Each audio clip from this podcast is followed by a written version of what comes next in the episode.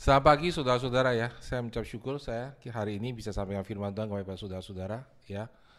Tiga minggu berturut-turut kita dengar firman Tuhan dari para hambanya ya yang luar biasa ya.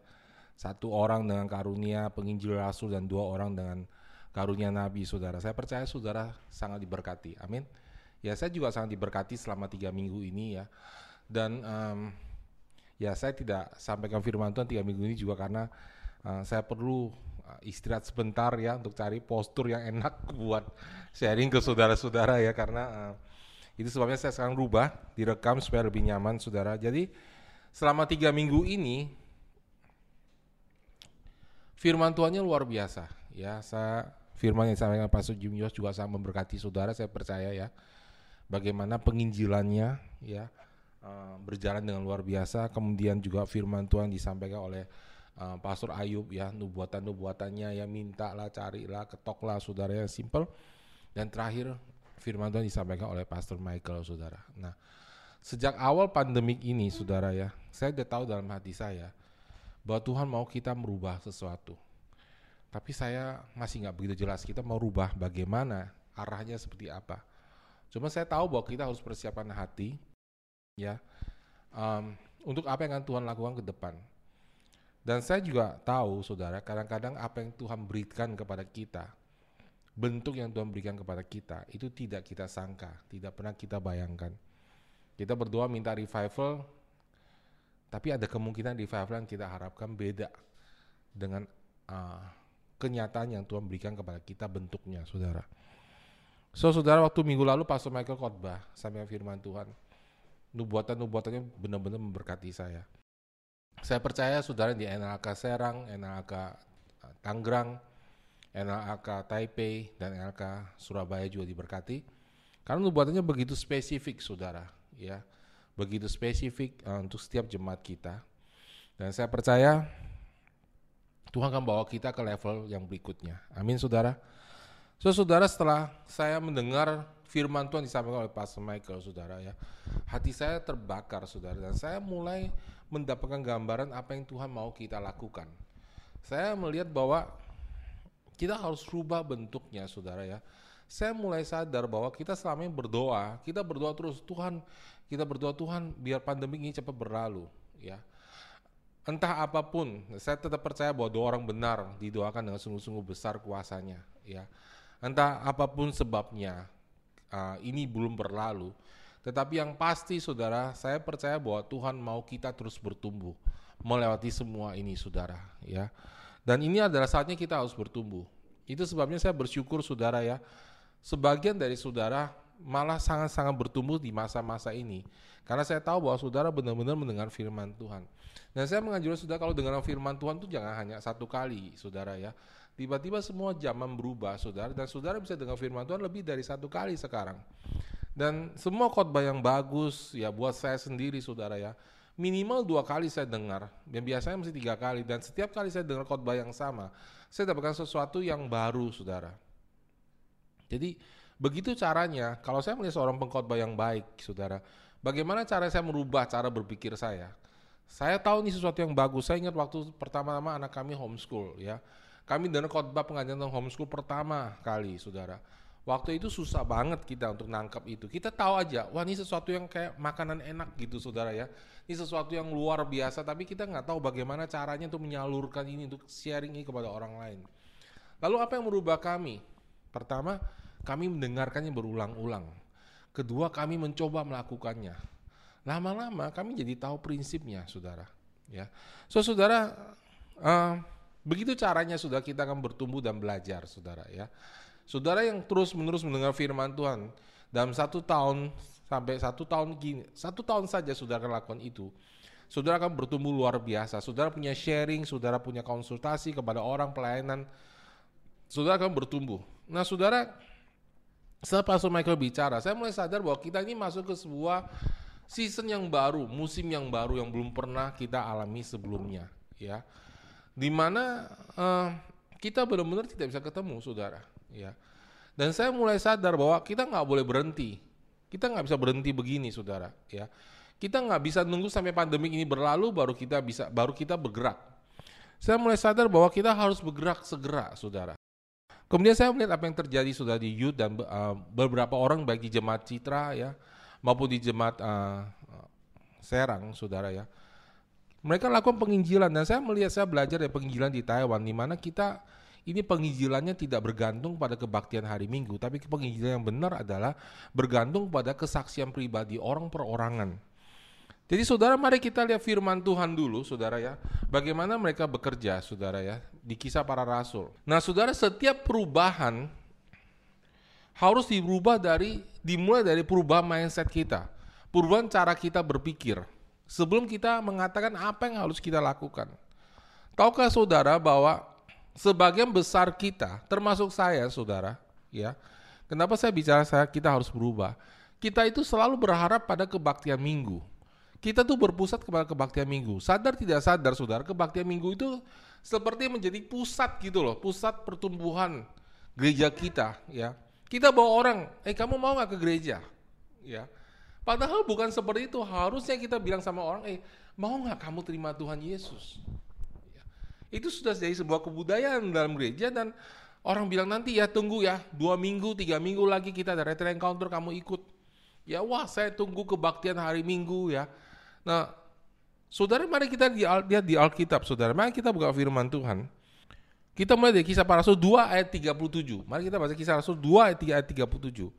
Ketika mereka mendengar hal itu, hati mereka sangat terharu.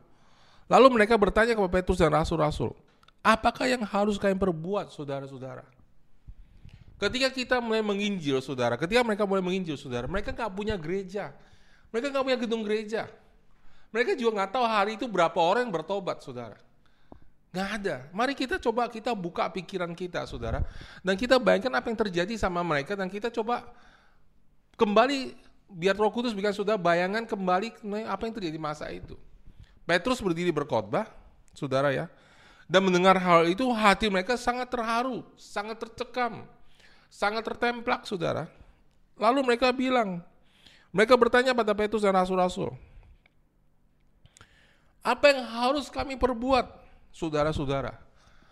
Saudara, oh ini luar biasa, saudara. Ini pekerjaan Roh Kudus. Ya, Bayangin saudara, selama Yesus berjalan, saudara, Yesus melayanin. Belum pernah ada pertanyaan seperti ini loh. Apa yang harus kami perbuat? Tapi ini masa yang besar di mana ketika hadirat Tuhan, hadir Roh Kudus turun, ketika gereja berjalan dalam kuasa Tuhan, orang yang bertanya apa yang harus kami perbuat? Ketika sudah bersaksi, sudah sudah belajar bagaimana mendengar suara Roh Kudus dan sudah berjalan bersama dengan Dia dan sudah akan melihat orang yang bertanya sama sudah, apa yang harus kami perbuat? Saya jadi gimana nih sekarang nih kalau saya terhilang? Ya. Apa yang harus kami perbuat? Apa jawab Petrus? Ke gereja? No. Ikut DDA? No. Ikut kelas KKR? No. Apa yang Petrus katakan kepada mereka? Jawab Petrus ayat 38. Bertobatlah dan hendaklah kamu masing-masing memberi dirimu dibaptis dalam nama Yesus untuk pengampunan dosamu, maka kamu akan menerima karunia Roh Kudus. So kita lihat tiga step. Yang pertama, bertobat. Saudara, injilin orang itu bertobat di tempat. Amin. Bukan hari Minggu ke gereja. Bukan ke sel group bahkan saudara. Saudara nggak tahu setelah saudara injilin dia keluar. Mungkin tiba-tiba ada sesuatu kejadian kemudian dia harus pulang. Dia harus pergi. Saudara nggak ada yang tahu saudara. So ketika orang bertanya saudara, saudara sudah injilin dia sudah mau didorong saudara ya. Nggak usah pusing saudara, dia bertobatnya sungguh-sungguh atau enggak. Biar Tuhan yang nanti bekerja. Mau nggak kamu bertobat? Terima Yesus. Sekarang. Oh saya belum siap. Kenapa orang bilang bertobat belum siap, saudara? Karena orang membayangkan kekristenan itu adalah pindah kepercayaan, pindah agama. Ya, semua, ya, semua kepercayaan di bumi ini kalau saudara percaya, boleh nggak saya pindah kepada kepercayaan kamu? Boleh nggak saya masuk kepada kepercayaan kamu? Oke, kalau kamu masuk ke kepercayaan saya, maka kamu harus lakukan ini, ini, ini. Itu di dunia ini, saudara. Tapi hanya Yesus yang bilang, barang siapa percaya kepadaku, ketika kita datang kepada Yesus, kita bukan pindah kepercayaan, tapi kita menerima Yesus dalam hidup kita. Ketika kita menerima Yesus dan hanya Yesus yang bilang bahwa tubuhku adalah benar-benar makanan, darahku adalah benar minuman. Ketika saudara menerima Yesus, hidup kita berubah. Tuhan tidak pernah tanya kita siap nggak. Karena saudara tahu bahkan sampai hari ini pun tidak satu orang pun di antara kita siap. Saya itu khotbah 20 tahun saudara, tetap gak siap. Ya, tetap ada kesulitan saudara. Akhirnya bagaimana saudara? Saya harus melangkah, saya harus bicara. Dan ketika saudara melangkah, bicara, Tuhan akan bekerja. Demikian juga waktu orang menerima Tuhan. Yang penting dia mau nggak? Mau nggak kamu diselamatkan? Kamu nggak usah pusing apa yang kamu harus lakukan nanti kemudian karena Tuhan akan mengatur itu semua. Ketika Tuhan tinggal dalam diri kamu, Tuhan akan memberikan kamu kuasa kan? Begitu kata Alkitab, saudara. Jadi saudara yang penting, saudara mau nggak kamu terima Tuhan? Jangan bawa mereka ke, ke gereja, saudara. Ya, Jangan tanya itu dulu. Ke gereja bersekutu lebih tepatnya dalam komunitas dengan orang-orang percaya adalah efek dari orang menerima Yesus. Efek hidupnya berubah. Sudah ingat nggak kita sudah pertama kali berubah? Sudah kepingin banget ya ketemu saudara-saudara seiman, ketemu komunitas, ya. So saudara, kata Petrus bertobat, ya. Kemudian apa katanya? Beri dirimu dibaptis. Dan yang ketiga, hendaklah kamu menerima karunia roh kudus. Itu aja yang dia sampaikan saudara. Dan hari itu saudara, 3000 orang bertobat saudara. Saudara bayangin, mereka berkumpul di atas 120 orang. Kemudian 3000 orang saudara yang bertobat. Saya hitung saudara ya, satu orang melayani 25 orang. Sudah bayang kalau sudah tiba-tiba 3000 orang bertobat. Bingung nggak saudara? Ya. Kebaktian di mana nih hari Minggu? Ya. Yang di Serang bingung. Citra apa lagi? Lebih bingung lagi. Mau berapa kebaktian? 30 kebaktian. Kalau satu kali 100 orang isinya. Tapi saudara kalau sudah baca firman Tuhan mereka tidak bingung sama sekali. Nah apa yang mereka lakukan saudara? Karena pada zaman itu pertama-tama mereka pasti tidak punya gedung untuk kebaktian. Mereka nggak siap untuk itu. Lalu bagaimana? Mereka pecah-pecah di dalam sel grup di rumah. Satu banding 25. Semua melayanin. Ya, itu yang mereka lakukan saudara. Semua orang melayanin. Dan pasti mereka tidak ada Zoom meeting karena waktu zaman itu nggak ada Zoom saudara Ya, jadi semua orang harus bergerak, semua orang harus siap, ya. Kemudian apa yang terjadi, Saudara? Di kisah Rasul 2 ayat 46 dikatakan, dengan bertekun dan sehati mereka berkumpul tiap-tiap hari dalam bait Allah. Mereka memecahkan roti di rumah masing-masing setelah bergilir dan makan bersama-sama dengan gembira dan tulus hati. Saudara tanya, oh mana mungkin Pak ngumpul tiap hari kita sibuk. Saudara jangan salah saudara, saya percaya saudara waktu itu juga mereka sibuk saudara. Mereka nggak punya alat canggih kayak kita, mereka nggak punya handphone untuk bisa telepon, mereka nggak punya mobil saudara untuk cepat sampai ke satu tempat. Jadi walaupun pekerjaannya kelihatannya sedikit dibanding zaman sekarang, tapi mereka pasti sibuk. Karena semuanya harus bergerak saudara. Ya, tapi kenapa mereka bisa bertemu setiap hari? Saya percaya suatu hari gereja akan dipulihkan seperti itu. Kenapa saudara? Karena apinya Tuhan saudara membakar hati kita sehingga kita rindu bertemu, ya. Saudara, waktu saya bertobat, saudara ya, waktu saya pertama kali kenal Tuhan, saudara, ya, saya lewatin satu gereja, saudara, ya. Waktu itu saya nggak boleh ke gereja, saudara, sama orang tua saya, dan saya ke gereja, dan saya cuma lihat salibnya aja, waduh tuh hatinya adem banget, saudara, ya, kepingin banget masuk ke situ, saudara, ya. Kalau bisa, ya, makan di situ, tidur di situ, setiap hari main di situ. Kenapa saudara? Karena api Tuhan membakar hati kita. Itu kerinduannya normal, saudara. Dan mereka setiap hari memecah roti di rumah masing-masing, bergilir makan bersama-sama dan gembira dan tulus hati sambil memuji Allah dan mereka disukai semua orang dan tiap-tiap hari Tuhan menambahkan jumlah mereka dengan orang-orang yang diselamatkan. Ya, apinya itu begitu besar. Sehingga ketika orang bertobat itu berubahnya drastis, Saudara, waktu itu. Nah, saya percaya Saudara kalau kita menjaga hati kita, Api Tuhan akan membawa jemaat kita masuk ke situ. Amin.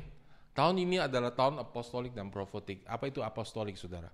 Apostolik artinya semua bergerak. Itu artinya semua jemaat bergerak, saudara. Ya, profetik artinya apa, saudara? Dituntun oleh Roh Kudus, saudara. Dan tidak ada yang nyangka, saudara, bahwa tahun ini, saudara, di dunia ini adalah tahun pandemik, saudara. Tapi buat kita, ini tetap tahun apostolik dan profetik. Ya, tiba-tiba, saudara, ya, tiba-tiba, saudara, semua berubah. Tiba-tiba, saudara tidak bisa lagi berfokus pada kebaktian hari Minggu. Sudah tidak bisa berfokus saya pada gedung, saudara. Dan tiba-tiba saudara tidak lagi bisa berharap pada gembala, ya, pastor, ya. Tiba-tiba saya nggak bisa kunjungi saudara-saudara kita di Taiwan dan di Surabaya. Mereka nggak bisa lagi berharap pada kunjungan pastor, ya. Bahkan saya nggak bisa kunjungin jemaat di Serang, jemaat di Citra, ya. Bahkan waktu kebaktian kita di Yud, waktu anak-anak muda masuk, saya nggak masuk, saudara. Nah, saudara, tiba-tiba Tuhan membawa kita, mau nggak mau kita harus berubah seperti apa yang dilakukan di dalam kisah para rasul. Dan inilah yang harusnya kita lakukan. Amin saudara ya. So saudara mari kita rubah cara berpikir kita saudara. Mari kita tidak lagi menunggu kapan ya kebaktian hari Minggu. Kapan ya kita berkumpul lagi. Saya juga suka itu. Saudara juga suka itu. Saya tahu. Saya rindu sekali berkumpul sama saudara. Tapi saudara, sekarang ini bukan waktunya lagi. Kita nggak bisa nunggu saudara. Pandemi kapan selesai saudara. Sekarang waktunya Tuhan pakai saudara. Setiap kita sekarang harus berubah dengan mengharapkan Waduh nanti kapan ya tim pastoral datang, kapan Pak Coeng datang ajarin saya untuk pelepasan, kapan Pak Kar datang ya ngajarin saya untuk nubuatan, kapan Pak Sep datang, kapan Pak Salim datang gembalakan saya. Kita harus rubah ya. Bahkan itu yang terjadi di Taiwan, Saudara, ya. Tiba-tiba Tuhan melawat Saudara dan jemaatnya berubah tanpa saya di sana. ya, jelas pekerjaan Tuhan. Ya, tiba-tiba kami terobosan, tiba-tiba terjadi nubuatan yang tajam, saudara, dan jemaat bangkit. Harusnya setiap orang rindu seperti itu. Amin. Ya, jemaat rindu dipakai Tuhan. Nah, saudara, firman Tuhan mengatakan di ayat 47 tadi, dan mereka disukai semua orang dan tiap-tiap hari Tuhan menambahkan jumlah mereka dengan orang yang diselamatkan. Tiap hari loh saudara. Dari mana orang yang datang? Tidak mungkin saudara ya. Uh, hanya Petrus saudara yang menginjil. Nggak mungkin saudara. Ini pasti semuanya bergerak menginjil. Ya. Saudara, waktu kita lahir baru, saya kasih tahu saudara ya. Kenapa sekarang banyak orang lahir baru tidak normal, kurang normal saudara? Karena kita nih saudara ya jemaat Tuhan kurang tidak sungguh-sungguh memberikan seluruh hidup kita kepada Tuhan. Tapi kalau kita berani percaya sama Tuhan, kalau kita berani berjalan sama Tuhan, Roh Kudus akan turun dan memenuhi kita semua sehingga orang baru yang datang di lawat Tuhan akan dijamah Tuhan dan menjadi sangat radikal saudara ikut Tuhan. Kenapa saudara? Karena tiba-tiba Tuhan itu begitu real buat dia. Nah itu pengalaman mereka. Makanya setiap orang menginjil. Waktu saya bertobat saudara, saya ngelihat orang, saya satu orang di sini, saya lihat orang di sana saudara, apa yang saya lihat? Dia terhilang, dia terhilang. Saya ingin beritakan kabar baik. Itu hal yang normal saudara. Kalau saudara lahir baru secara normal, keinginan saudara, kalau sudah ketemu orang saudara ya, sudah tidak bilang, wah dia hebat ya, dia punya mobil ya, saya ingin ikut kayak dia punya mobil. Wah dia nih berhasil ya, saya punya rumah banyak, saya ingin ikut. Enggak, saudara. Kalau saudara lahir baru secara normal, saudara, saudara ketika lihat orang, saudara. Saudara kan ketika roh kudus bergerak dalam diri saudara, saudara pertama lihat orang itu adalah, oh dia orang yang terhilang. Nah saya ingin membawa dia mengenal Tuhan. Itu adalah hal yang normal, saudara. Itu yang mereka ngalamin. Nah saudara, setiap hari Tuhan tambahkan orang. Mengapa saudara? Karena setiap orang bergerak. Setiap orang menginjil. Nggak mungkin hanya 120 orang. Ke mana-mana mereka memberitakan Injil, saudara. Amin, saudara. Setiap orang. Now, saudara, ini yang kita harus rubah. Kebangunan rohani bukan tunggu kita bertemu. Saya juga tanya berdoa kalau kita bertemu nanti jumlah jemaatnya banyak. Enggak, saudara. Sekarang juga saudara. Ya, jumlah kita bertumbuh, saudara. Dan yang dipakai bukan lagi Pak Gembala, tapi semua orang percaya, semua orang kudus, di mana pun saudara berada. Saya mau kasih tahu saudara hari ini, kalau engkau rindu, kalau engkau kepingin dipakai Tuhan, Tuhan akan menggerakkan hatimu, Tuhan akan mengurapi engkau, Tuhan akan membuat engkau berbuah banyak. Amin saudara. Kita terlalu lama nunggu saudara ya. Kita ikut kelas DDA, kita ikut kelas KKR itu baik saudara. Tapi saudara, kita mari kembali kepada Alkitab. Ya, saya sudah lama ingin berubah dan tiba-tiba saya mulai menyadari tiba-tiba Tuhan kirim sebuah musim di mana kita harus berubah seperti kisah para rasul. Mau tidak mau kita harus berubah. Ya, sekarang tiba-tiba tidak ada kebaktian hari Minggu. Ada saudara. Ya, dan semua orang harus belajar melayani. Amin saudara. Ya, so saudara itu yang terjadi saudara dan setiap orang melayani. Ya, Nah saudara gereja ini sekarang ini sudah berpikir bahwa oh yang diurapi itu hanya pastor. Mari kita baca sudah Roma 1 ayat 5. Dengan perantaraannya kami menerima kasih karunia jabatan rasul untuk menuntun semua bangsa supaya mereka percaya dan taat kepadanya. Kamu juga termasuk di antara mereka, kamu yang telah dipanggil menjadi milik Kristus. Kepada kamu, ayat 7 saudara penting banget, kepada kamu yang tinggal di Roma yang dikasihi Allah, yang dipanggil dan dijadikan orang-orang kudus.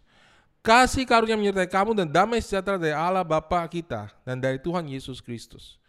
Dibilang apa saudara kepada kamu sekalian tinggal di Roma yang dikasihi Allah, yang dipanggil dan dijadikan orang-orang kudus. Jadi saudara, siapa itu orang kudus? Bukan pastor saudara.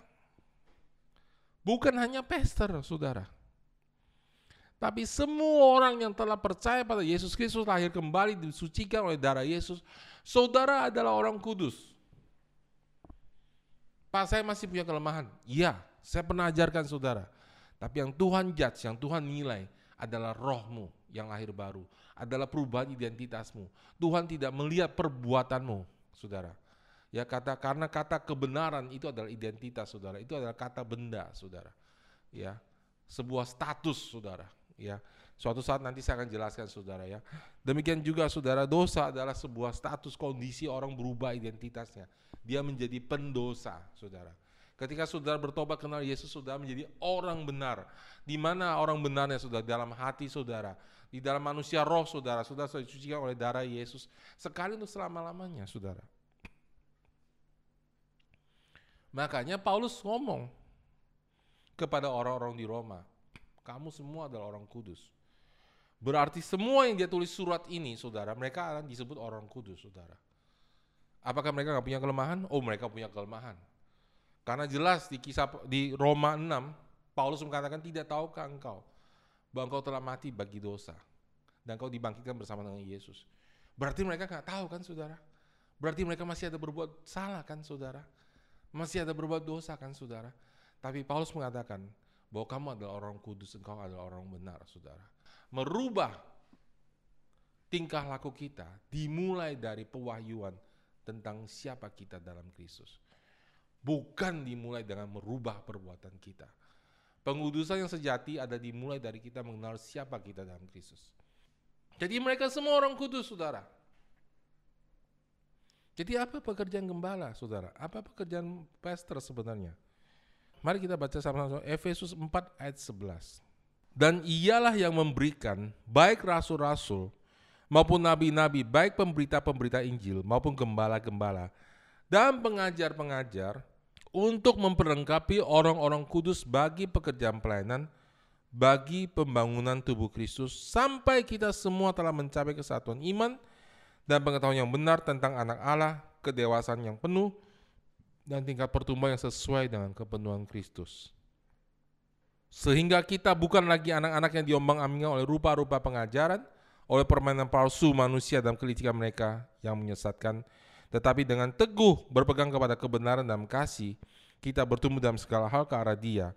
Kristus adalah kepala. Apa kata firman Tuhan saudara? Dikatakan bahwa Tuhan memberikan rasul, nabi, pemberita Injil, gembala, dan pengajar. Amin, saudara. Untuk apa? Nah ini yang kita bayangkan di gereja ini. Dia gembala, dia harus melayani dong. Pak Gembala harus kunjungin saya dong waktu sakit. Itu benar waktu pertama kali. Ya. Pak Gembala harus kunjungin saya dong, saya perlu perhatian. Itu benar. Waktu pertama kali, seperti saya punya anak saudara masih kecil saudara. Dia oh nangis, saya kasih minuman, saya sediakan susu, saya bikin. Tapi setelah lima tahun, enam tahun saudara, dia lapar, dia harus ngomong saya lapar. Dan dia harus bisa ambil, masukin makanan ke mulutnya sendiri. Bahkan Tuhan memberikan burung-burung makanan saudara, tapi Tuhan tidak suapi mulut mereka. Mereka harus ambil cari makanan itu saudara. Begitu juga ketika kita percaya pada Yesus, saudara, kita harus menjadi pelaku firman. Kita harus menjadi orang dewasa. Kadang-kadang, saudara, seperti itu ada orang perhatikan saudara. Nggak ada yang care sama saudara. Saya mau kasih tahu saudara kebenarannya. Semua orang percaya pasti pernah mengalami itu. Saudara setuju nggak? Kalau saudara setuju, sudah bilang amin. Ya, sudah tulis itu. Pasti pernah mengalami suatu saat di mana saudara sendiri, seperti nggak ada yang perhatiin saudara, nggak negur saudara, tiba-tiba bahkan orang paling dekat pun lupa ulang tahun saudara. Ya, semua pernah. Kenapa saudara? Karena ujian kesendirian adalah ujian untuk kita menjadi pemimpin, untuk menjadi orang dipakai Tuhan. Orang dipakai Tuhan harus bisa stand alone, bisa berdiri sendiri. Akan ada masa seperti itu dalam hidup kita. Jadi saudara, kita semua harus dewasa. Ketika orang nggak perhatikan saya, saudara harus bilang, ya, saya tetap tidak peduli orang tidak perhatikan saya. Saya tetap melayani di hadapan Tuhan. Saya tetap kepada, saya tetap mendengar firman Tuhan. Saya tetap melayani, saya tetap pergi menginjil. Saya ketemu orang yang dulu bilang, oh saya di gereja nggak yang perhatiin. Kemudian setelah dia kerja di luar, saudara, dia omong persis yang sama. Di tempat kerja saya nggak yang perhatiin. Saudara kita menjadi anak Tuhan yang dewasa bukan untuk terus diperhatikan. Kita diajar Tuhan untuk memberi, memperhatikan orang lain, saudara. Ya, jangan mau saudara kalau anak saudara sudah remaja bilang, oh saya nggak diperhatikan sih pak, saya nggak diperhatiin sih ma. Di sekolah saya nggak diperhatiin, di gereja saya nggak diperhatiin, tempat kerja saya nggak diperhatiin. No no no no, kamu yang harus belajar memperhatikan orang. Kalau engkau mau belajar bertumbuh dewasa. Ada amin saudara. Ya, Siapa yang perhatiin jemaat di Taiwan sekarang? Nggak ada saudara. Mau perhatiin aja nggak bisa saudara, nggak bisa pergi ke sana. Tapi justru di saat yang paling susah ini, secara mengejutkan mereka bertumbuh signifikan saudara. Kenapa saudara? Pertumbuhan terbesar ketika kita mulai ngambil kebenaran yang kita punya dan kita mulai melangkah keluar. Amin saudara. Ya, jadi saudara kalau saudara baca firman Tuhan tadi saudara ya, dia memberikan rasul, nabi, pemberita Injil maupun gembala-gembala, pengajar-pengajar untuk memperlengkapi orang-orang kudus bagi pekerjaan pelayanan, bagi pembangunan tubuh Kristus. Apa tugas gembala, pengajar, rasul, penginjil, dan nabi? Apa tugas utama Pastor Stefanus, Pastor Ayub, Pastor Michael? Ya, dan saya suka khotbah hambanya Jim Yos, kali yang benar-benar melatih, saudara. What they do, saudara? Melatih. Memperlengkapi orang kudus, saudara. Siapa yang pergi pelayanan kalau begitu sudah baca? Ya, kita baca lagi saudara. Sekali lagi kita baca dengan teliti. Dan ialah yang memberikan baik rasul-rasul maupun nabi-nabi baik pemberita-pemberita Injil maupun gembala-gembala dan pengajar-pengajar untuk memperlengkapi orang-orang kudus bagi pekerjaan pelayanan. Siapa yang diperlengkapi? Orang-orang kudus untuk pekerjaan pelayanan. Siapa yang ngusir setan, saudara? Siapa orang kudus di sini? Angkat tangan saudara, saudara semua orang kudus di sini. Amin. Ya, kita semua orang kudus. Roma tadi mengatakan bahwa kita semua orang kudus, saudara. Semua saudara yang sudah percaya Yesus, sudah percaya Roh Kudus tinggal dalam diri saudara, berarti sudah percaya bahwa sudah orang kudus. Karena nggak mungkin Roh Kudus dalam diri, tinggal dalam diri saudara kalau sudah bukan orang kudus. Kita semua orang kudus. Kita pergi melayani. Amin saudara. Terus ketua gembala apa saudara? Gembala berjalan di depan, pengajar berjalan di depan, rasul nabi berjalan di depan. Dia yang pertama ngalamin, ya. Anak saya pertama homeschool, saya harus belajar bagaimana aja anak saya homeschool. Kemudian para tim pastoral ikut. Dan sekarang jemaat ikut. Ya. Saya belajar, saya dulu saudara ya, ngusir setan, ngajarin bagaimana ngusir setan. Pastor Choying ikut. Ya, Pastor Kalianto ikut, semuanya ikut. Dan sekarang jemaat ikut saudara. Jadi tugas gembala dan rasul dan nabi dan pengajar dan penginjil adalah menjadi orang yang melangkah dulu. Tetapi saudara harus langsung ikut di belakangnya melangkah bersama dengan mereka. Ada amin saudara. Nah, saudara, I'll give you, saya akan kasih saudara tips mudah banget untuk saudara bertumbuh. Ya, sekarang saudara ya, kelas DDA nanti semua online. Nah, tapi bukan itu yang saya mau ngomong sekarang saudara. Saudara mau bertumbuh nggak? Ya, saya kadang-kadang uh, bingung ya, orang sudah lama melainin, ya, tapi tidak juga tahu bagaimana cara bernubuat, bagaimana cara ngusir setan, bagaimana cara uh, mendoakan orang sakit. Nah sekarang saya kasih tips saudara, ya. Saudara, pertama saudara harus tahu, ya, mendoakan orang sakit, mengusir setan, itu di Alkitab tuh nggak banyak saudara caranya. Caranya sama aja dalam nama Yesus. Halo, dengar saudara? ya so saudara ya satu suatu saat saya pikir anak saya Kenneth kasih kesaksian ya bagaimana dia mulai melangkah masuk dalam karunia nubuatan kalau Kenneth yang masih muda bisa saudara semua pasti bisa ya masalahnya saudara orang itu pertama tidak desire tidak ingin amin ya saudara kepingin nggak dipakai Tuhan halo Amin saudara. Kalau saudara pengen dipakai Tuhan katakan amin saudara. Ketik amin saudara. Ya. Sudah kepingin dipakai Tuhan. Amin. Ya. Kepingin. Saya kasih tahu saudara, kalau saya dengar khotbah hamba Tuhan yang bagus ya, Hinn dan siapa pun juga saudara ya. Dan ketika saya dengar itu, saya cuma membayangkan bahwa saya dipakai Tuhan. Bukankah Alkitab bilang inginlah akan karunia karunia rohani. Saudara kepingin nggak sih dipakai Tuhan? Kalau saudara nggak kepingin nggak ada obatnya. Harusnya setiap kali saudara dengar kesaksian, saudara nggak bilang ini. Oh bagus ya, luar biasa ya. Bukan saudara. Tujuan setiap kesaksian ada membangkitkan appetite, kerinduan rohani saudara, ya, appetite saudara ya Eh, kerinduan rohani saudara untuk mendapatkan sesuatu.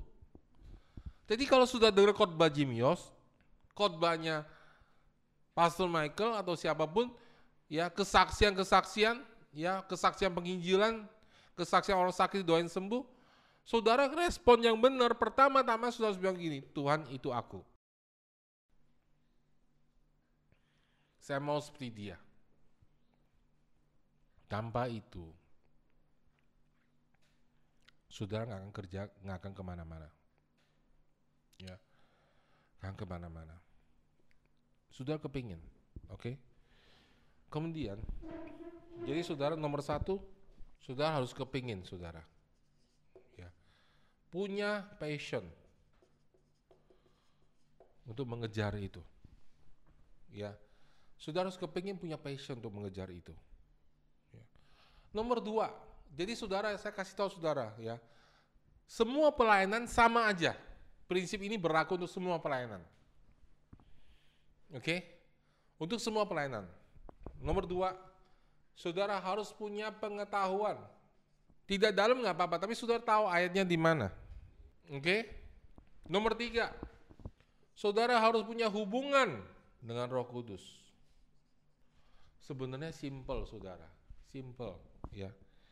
Sekarang saudara ya kemarin ya saya isi saya cerita. Step-step ini artinya apa nih? Dia kasih saya satu ayat saudara, satu satu dia kasih saya sebuah teks saudara ya, sebuah kabar pengajaran dari temennya di sebuah grup dan dia bilang gini ya, Ratu Esther punya berapa ya saya lupa. Saya lupa itu isi saya bilang tujuh apa sembilan sida-sida, tahu nggak sembilan sida-sida? Saya bingung mana ada sembilan sida-sida. Oh ternyata ada di kitab Esther saudara. Ya, Uh, saya lupa tujuh atau sembilan ya. Ada di kitab Esther. Saya aja nggak tahu. Saya tahu. Saya, saya cuma tahu satu sida-sida dari Ethiopia, saudara. Disebutin semua namanya, ya. Lalu dibikin. Akhirnya cuma satu tujuannya sudah pengajaran tuh begitu jauh. kamu harus hidup kudus, kamu harus misahkan dari dunia ini, kamu harus dedikasikan hidup kamu untuk Tuhan. Lah, itu mah ayatnya dikupas sampai begitu sulit saudara cuma mau kasih tahu itu saudara. Ya sebenarnya saudara itu sudah harusnya gaya hidup sehari-hari saudara. Ya. Kenapa saudara orang cari yang sulit-sulit muncul pengajaran yang aneh-aneh saudara ya sekarang ya pengajaran aneh-aneh ya wah ada kejadian ini tahu nggak di akhir zaman atau sudah tiba atau enggak kenapa saudara karena orang ya tidak mengalami Tuhan orang Kristen sudah dalam Tuhan tapi kurang pengalaman bersama Tuhannya turun dan akhirnya mereka cari pewahyuan yang aneh-aneh yang sulit-sulit saudara yang dicari yang simple nggak mau padahal Alkitab itu simple maka dia bingung baca Alkitab. Kenapa saudara? Karena dia tidak mengalami. Dia tidak mengalami saudara. Nah saudara, Kenneth cerita saudara. Ya, dia teks saya. Pak, katanya. Saya akhir-akhir ini baca Alkitab, Pak. Kok jadi hidup banget. Ayat yang sama yang dia baca dulu sehari-hari. Kenapa jadi hidup saudara? Saya mau kasih tahu saudara. Karena dia sekarang jadi pelaku firman dan dia ngalamin kehidupan bersama dengan Tuhan, saudara. Ya, jadi saudara, saudara harus punya hubungan dengan Roh Kudus. Itu aja. Coba saya tanya saudara, ya, ngusir setan gimana sih rumusnya di Alkitab ada nggak?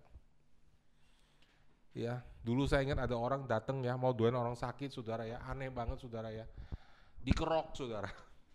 Ya, dalam nama Yesus dipijat gitu ya, pijat rohani saudara. Ada yang begitu.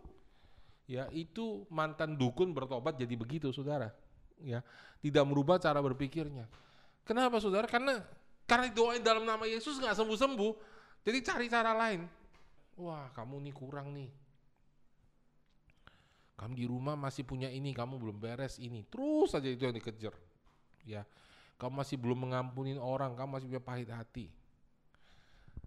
Makanya kamu nggak sembuh.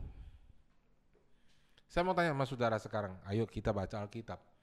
Pernah nggak Yesus bilang orang sakit hati, orang orang sakit datang pada Yesus bilang, Tuhan aku mau sembuh. Pernah nggak Tuhan bilang, kamu masih pahit hati? Cari satu ayat.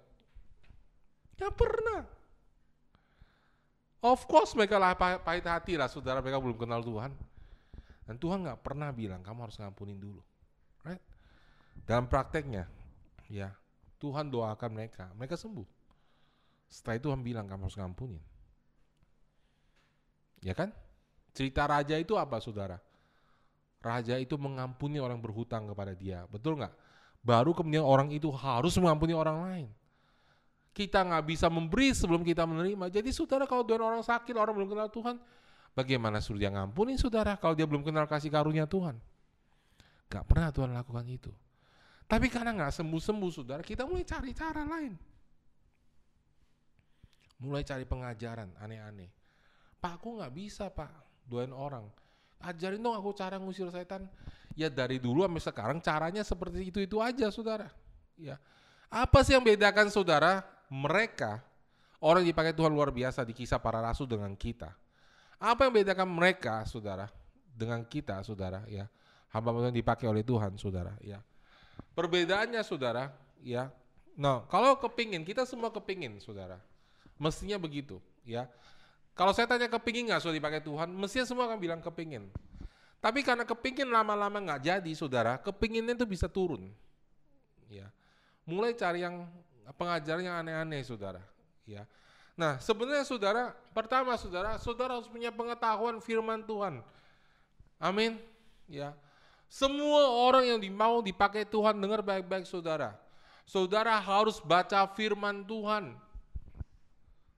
Saudara harus dengar firman Tuhan, saudara harus dengar pengajaran, dan terutama saudara harus baca firman Tuhan.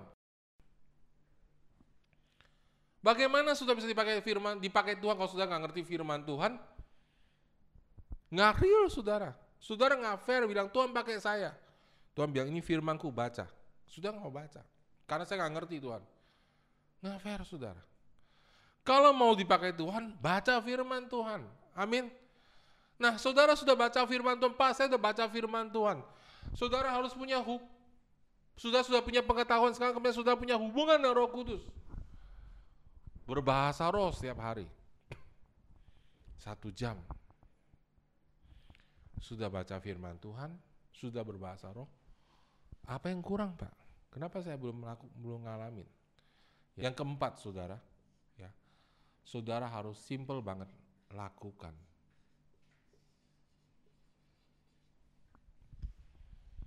Semuanya, saya mau kasih tahu saudara, cuma empat langkah ini aja. Saudara mau doain orang terima bahasa roh, empat langkah ini. Saudara mau doain orang usir setan, empat langkah ini. Saudara mau doain orang sakit sembuh, empat langkah ini. Nggak ada resep khusus. Nggak ada. Cari di Alkitab, nggak ada. Semua Alkitab ajaran kita itu sikap hati. Ya, berbahagialah orang yang suci hatinya. Berbahagialah orang yang lapar dan haus akan kebenaran. Semuanya itu. Yesus ngajarin kalau setan ini kamu usir dengan jurus pedang bermata dua. Nggak ada saudara. Ya. Semua sama caranya di dalam namaku. Engkau kamu usir setan, kau numpang tangkal seorang sakit dan orang akan sembuh. So, saudara pertama saudara harus kepingin. Amin. Ya. Kedua, punya pengetahuan. Loh iya dong. Paling sudah tahu ayatnya dong. Ya. Terus saya ceritakan saudara. Pertama kali saya ngusir setan. Saya kepingin saudara. Ya. Pertama kali saya ingin doain orang rebah. Dan saya mau kasih tahu saudara-saudara hal-hal seperti itu sudah minta sama bapak saudara. Itu sah-sah aja. Bukan nggak Pak Soeb juga bilang kita harus minta. Ya.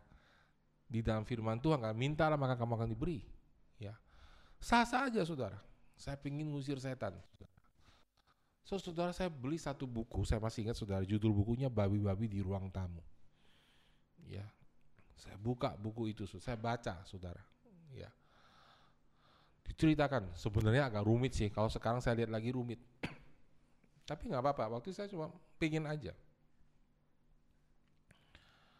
waktu itu saya belum bertumbuh seperti sekarang. Banyak hal saya juga nggak mengerti seperti sekarang. Kemudian setelah saya baca oh usir setan gini tumpang tangan. Ya kalau setan tuh kasih nama aja. Waktu itu saya belajar begitu saudara ya. Kalau setannya kepahitan namanya roh kepahitan ya. Kalau dia rokok mungkin namanya gudang garam gitu ya. Apa aja itu benar sudah diajar begitu sesuai itu ya. Walaupun sebenarnya tidak harus begitu saudara. Kemudian saya bertumbuh saya tidak harus begitu saudara ya. Saya ingat dulu waktu saya datang ke sebuah persekutuan yang khusus pelayanan pelepasan saudara ya. Sudah tahu Siampo Rejoice ya. Siampo Rejoice itu ada lambang mm, Protect and Gambler, so PNG itu saudara ya. Itu sebenarnya itu mereka sebagian uangnya mereka sembah, mereka berikan kepada gereja setan itu katanya begitu saudara ya tapi yang intinya adalah mereka sampai usir roh rejoice keluar dalam nama Yesus gitu ya saya lihat saya tuh belajar semua itu saudara. So suatu hari saya kepingin melakukan. Saya pulang ke kos saya ada satu orang bapak-bapak saudara ya. Dia orang Kristen dari suku Nias ngerokok saudara. Dan saya kepingin ngusir setan itu. Saya bilang, Pak, Bapak pengen nggak lepas dari ini? Oh ya, mau-mau. Ya, dia isep rokok sekali, tarik nafas yang panjang dia buang. Ya, saya bilang, sini saya doain dalam nama Yesus. Saya nggak ada contoh dari mana-mana, saudara. Cuma ada di buku itu aja. Nah, saya ingat buku itu bilang kalau diusir setan kadang-kadang bisa memuntah. Setan King dalam nama Yesus, roh rokok, ya roh kretek mungkin ya saya lupa saya ngomong roh apa waktu itu ya apa roh tembakau apa saya lupa keluar dalam nama Yesus terus saya ingat wah di situ dikatakan bahwa orang yang kerasukan setan itu bisa muntah saya bilang pak bapak mau muntah pergi aja ke wastafel iya iya dia lari ke situ saudara saya juga terkaget-kaget dia juga kaget mungkin saudara ya muntahnya banyak saudara keluar kuning-kuning saudara semua ya saudara ya itu pertama kali saya melakukan pelayanan pelepasan. Apa kuncinya saudara? Lakukan. Sudah tanya, Pak Step, rumus apa nggak? Ada saudara. Cuma tahu ayat-ayat di mana kita harus lakukan pelayanan pelepasan terus lakukan. Kedua kali, ya, Saya udah lupa keberapa kali saudara ya. Dulu di persekutuan banyak sekali doain orang usir setan saudara. Ya, ada satu orang dia bilang teman saya masuk ke persekutuan, ya dia bilang saya sudah ngampunin orang itu sih, tapi saya masih benci sama dia. Sebe kalau kalau bisa tuh saya hilangin dia katanya, pingin dibunuh maksudnya. Ya, tapi saya udah ngampunin. Ya, saudara kalau melayani orang harus nangkep spiritnya, jangan nangkep apa yang dikatakan dengan mulut dia. Saya tahu dia belum ngampunin, walaupun mulutnya ngomong udah mengampunin. Ini saya doakan dia, saudara. Ya, untuk mengucapkan sekali lagi pengakuan terima Yesus. Dan di tengah-tengah pengakuan itu saudara, tiba-tiba dia melengking sudah ketawa, hihihi gitu saudara ya. Dia laki-laki keluar suara nenek-nenek saudara ya. Bola putih saya mana, bola kristal saya mana saudara ya. Wah, empat orang pegangin dia saudara. Dan itu kemudian sudah kami lain dia pelepasan. Ya, langsung pergi nggak? Enggak. Tapi nggak apa-apa. Saya sudah punya pengalaman sekarang dan kalau sudah lakukan itu, makin sering, saudara makin bertumbuh kuasanya. Amin. Semuanya sama, saudara. Ya, sudah mau latih, doakan orang terima baptisan Roh Kudus. Sudah harus tahu pengetahuan firmannya di mana. Amin. Dan kalau sudah punya tuntunan yang kuat dengan Roh Kudus, Tuhan juga akan bisa masuk secara spesifik. Bagaimana mendoakan dia? Saya punya satu teman kuliah sudah namanya Robertus, saya masih ingat sampai sekarang. Orang kurus, putih, ya jauh lebih putih dibanding saya, saudara. Halus, lebih halus di tangan saya, saudara. Ya, tapi orangnya diem. Terus waktu itu kelas DDA, saudara. Kelas DDA, dia duduk di kelas itu, semua orang maju ke depan, terima bahasa roh, tapi dia nggak terima, saudara. Dia duduk diem aja, saudara. Kemudian saya datang pada dia, saya bilang, Robertus, kamu mau nggak terima baptisan roh kudus? Mau. Nah, kebetulan saya tahu dia orangnya introvert pendiam dan saya juga tahu dia orang pemalu. Dan Roh Kudus berikan saya ide bawa dia ke belakang. Saya bawa dia ke belakang jauh sekali satu ruangan di mana tidak ada orang lain dan hanya kita berdua, Saudara. Ya. Dan saya mulai ajarin dia apa gunanya bahasa roh. Saya ulang semua kelas DDA hari itu. Apa itu bahasa roh? Apa gunanya? Ya. Dan kemudian saya tanya sekali lagi, kamu terima nggak mau? Dan saya doakan secara pribadi dan hari itu juga diterima baptisan Roh Kudus. Dilayani satu persatu, saudara. One on one, saudara. Satu orang menghadapi satu orang. So simple sekali, saudara. Amin, saudara. Dan penting sekali, saudara. Nomor empat, melangkah. Dengar saudara, semakin saudara banyak belajar, saudara nggak melangkah, saudara makin bingung nantinya. Amin. Sudah ngerti langkah, sudah tahu cara menginjil melangkah. Amin, saudara. Ya, so, saudara itu caranya, saudara. Jadi sekarang, saudara, saya mau tutup firman Tuhan hari ini, saudara. Ya, bahwa setiap orang adalah pelayan. Amin. Katakan semua sama-sama, setiap orang adalah pelayan. Amin, saudara. Setiap saudara mau nggak dipakai Tuhan? Pertanyaan saya pertama. Ya. Kedua, semua saudara adalah orang-orang kudus. Semua saudara diurapi Tuhan. Bayangin sudah kisah para rasul. Dari mana mereka bisa bertambah orang setiap hari? Nggak mungkin para rasul melayani mereka setiap hari nginjil. Karena para rasul juga harus persiapkan diri untuk sampaikan firman, pengajaran, banyak urusan saudara. Ya, gereja kita saudara ya jumlahnya nggak sampai 3000 saudara. Ya, saya saja sudah banyak urusan. Apalagi saudara, kalau mereka 3000 orang, pasti mereka banyak urusan saudara, para rasul. Banyak hal mereka lakukan. Jadi siapa yang menginjil setiap hari? Jemaatnya tiap hari menginjil. Setiap hari Tuhan tambahkan orang. Setiap kita menginjil, saudara kita sekarang mulai beriman saudara, setiap minggu kita bertambah orangnya. Ada amin? Ya, setiap minggu kita bertambah orangnya. Ya. Orang yang menginjil saudara dorong mereka untuk segera pergi menginjil. Amin saudara ya. Setiap minggu bertambah orangnya. Bagaimana caranya? Semua orang sudah mendengar firman Tuhan hari ini dan hatinya bilang saya mau dipakai Tuhan, mulai melangkah. Ya, Pak Step saya belum pernah melangi orang gimana nih saya nggak bisa nih bergaul. Berdoa minta, minta. Sudah pikir saya pintar menginjil? Enggak, saudara. Saya minta, saudara. Saya minta, saudara. Amin. Minta, saudara, Tuhan kasih jiwa dan minta Tuhan kasih hikmat kepada saudara. Amin, saudara. Ya, minta sama Tuhan. Ya, baca firman, pelajari gimana cara nginjil. Yang simple aja. Ya, kalau masih nggak tahu nanti dari dari uh, firman Tuhan khotbah kita akan ajarin. Ya, yang simple aja. Ya, setiap hari bangun hubungan sama Tuhan.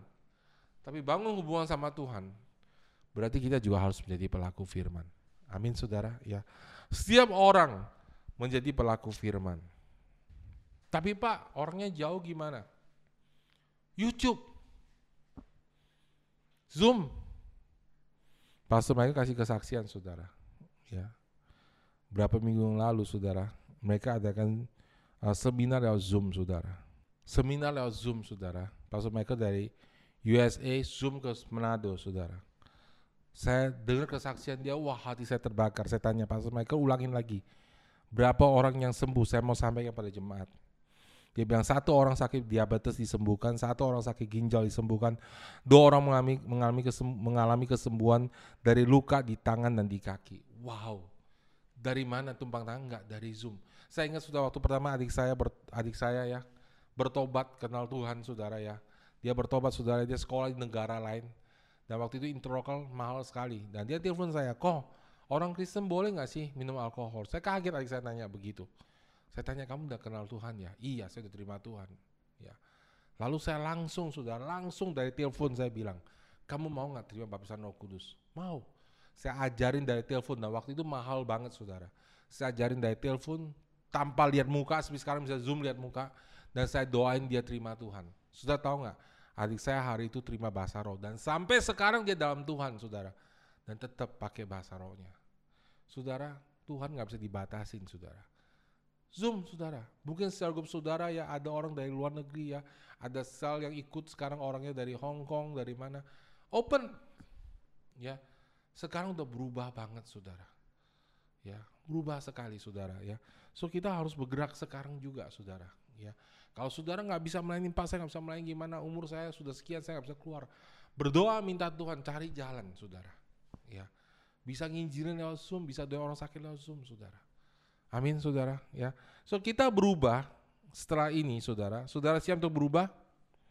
Amin. Ya, kita berubah sekarang. Ya, kita berhenti menantikan kita bergerak setelah pandemi ini berlalu, tetapi kita segera bergerak.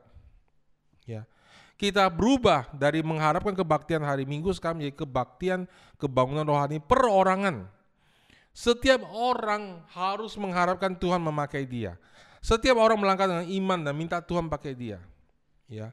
Dari kebaktian hari Minggu kita menjadi penjangkauan saudara pribadi. Dan memang itu yang dilakukan oleh kisah para rasul ketika mereka menjangkau tidak bawa orang ke gereja, tapi pribadi.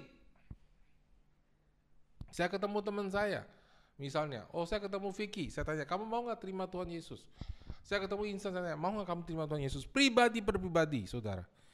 Jadi saudara ya, uh, berapa minggu ini luar biasa ya di Serang kita menangkan ada empat orang dibaptis yang saya tahu saudara ya. Di Citra juga ada satu orang dibaptis ya.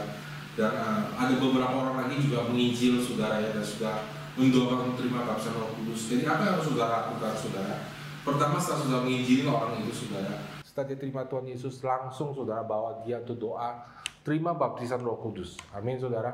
Dan setelah itu saudara bisa bawa minta uh, pemimpin sel saudara ya untuk segera dibaptis air dan dorong orang baru itu kemudian untuk segera menginjil saudara dan setiap kali saudara kita bertumbuh kasih kesaksian amin jangan lupa kasih kesaksian supaya kita saling menguatkan satu sama lain kita mau lewatin tahun apostolik dan profetik ini dan kemenangan yang luar biasa. Amin saudara ya.